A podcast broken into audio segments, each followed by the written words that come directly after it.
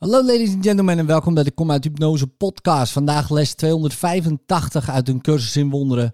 Mijn heiligheid straalt vandaag helder en klaar.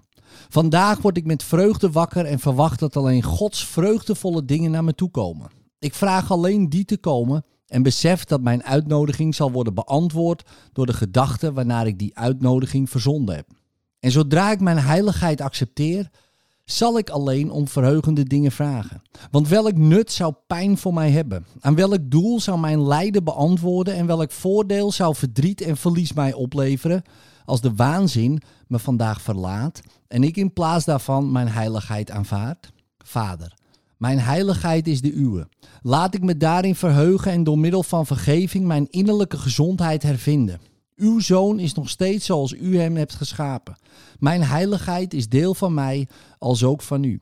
En wat is in staat om heiligheid zelf te veranderen? In liefde, tot morgen.